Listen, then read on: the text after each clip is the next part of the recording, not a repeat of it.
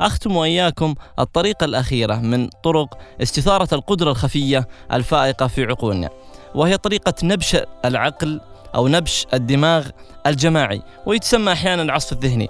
هذه طريقة مستخدمة على نطاق واسع نوجز خطواتها كالتالي الخطوة الأولى يمكن أن يكون العدد المشترك في هذه الجلسة من اثنين إلى عشرين شخص. ممكن يكون من أربعة إلى سبعة. هذا العدد المثالي لأي أمر تريدونه. مثلا تضعون عنوان المشكلة أو للحل المطلوب.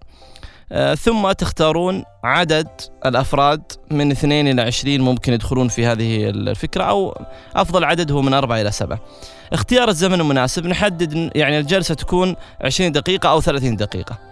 بعد ذلك يكون الهدف المحدد للجلسة هو توليد أفكار فقط ما في حكم على الأفكار. يعني لا أحد يكسر فكرة الآخر أو يحكم عليها بالفشل لا. أي فكرة تخطر في بال الشخص على طول تكتب. الحكم عليها في جلسة أخرى.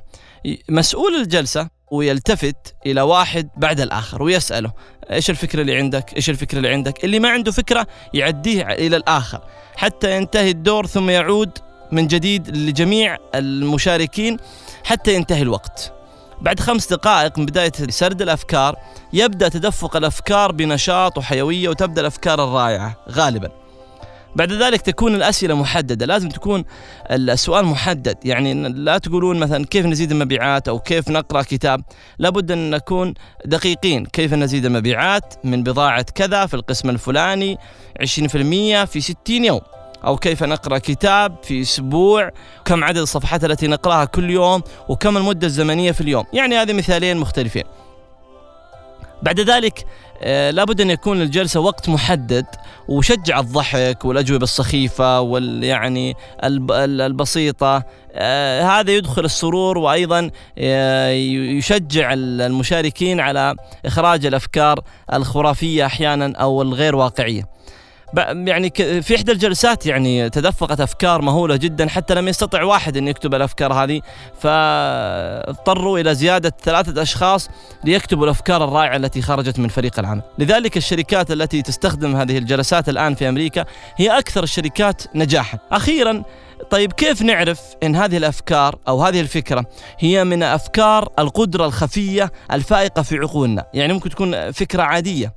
وأنها لا تستحق الاهتمام. في علامات ثلاث علامات لكي تكون هذه الفكرة هي الفكرة التي خرجت من القدرة الفائقة في عقولنا. العلامة الأولى أن تأتي الفكرة كاملة مئة بالمئة. يعني فيها كل أجزاء الجواب وحل المشكلة مع التفصيل. وحين نفكر فيها نجد أنها الحل المثالي. إذا وجدنا هذا الشرط ينطبق على الفكرة نعرف أن هذه من القدرة الفائقة التي خرجت من عقولنا.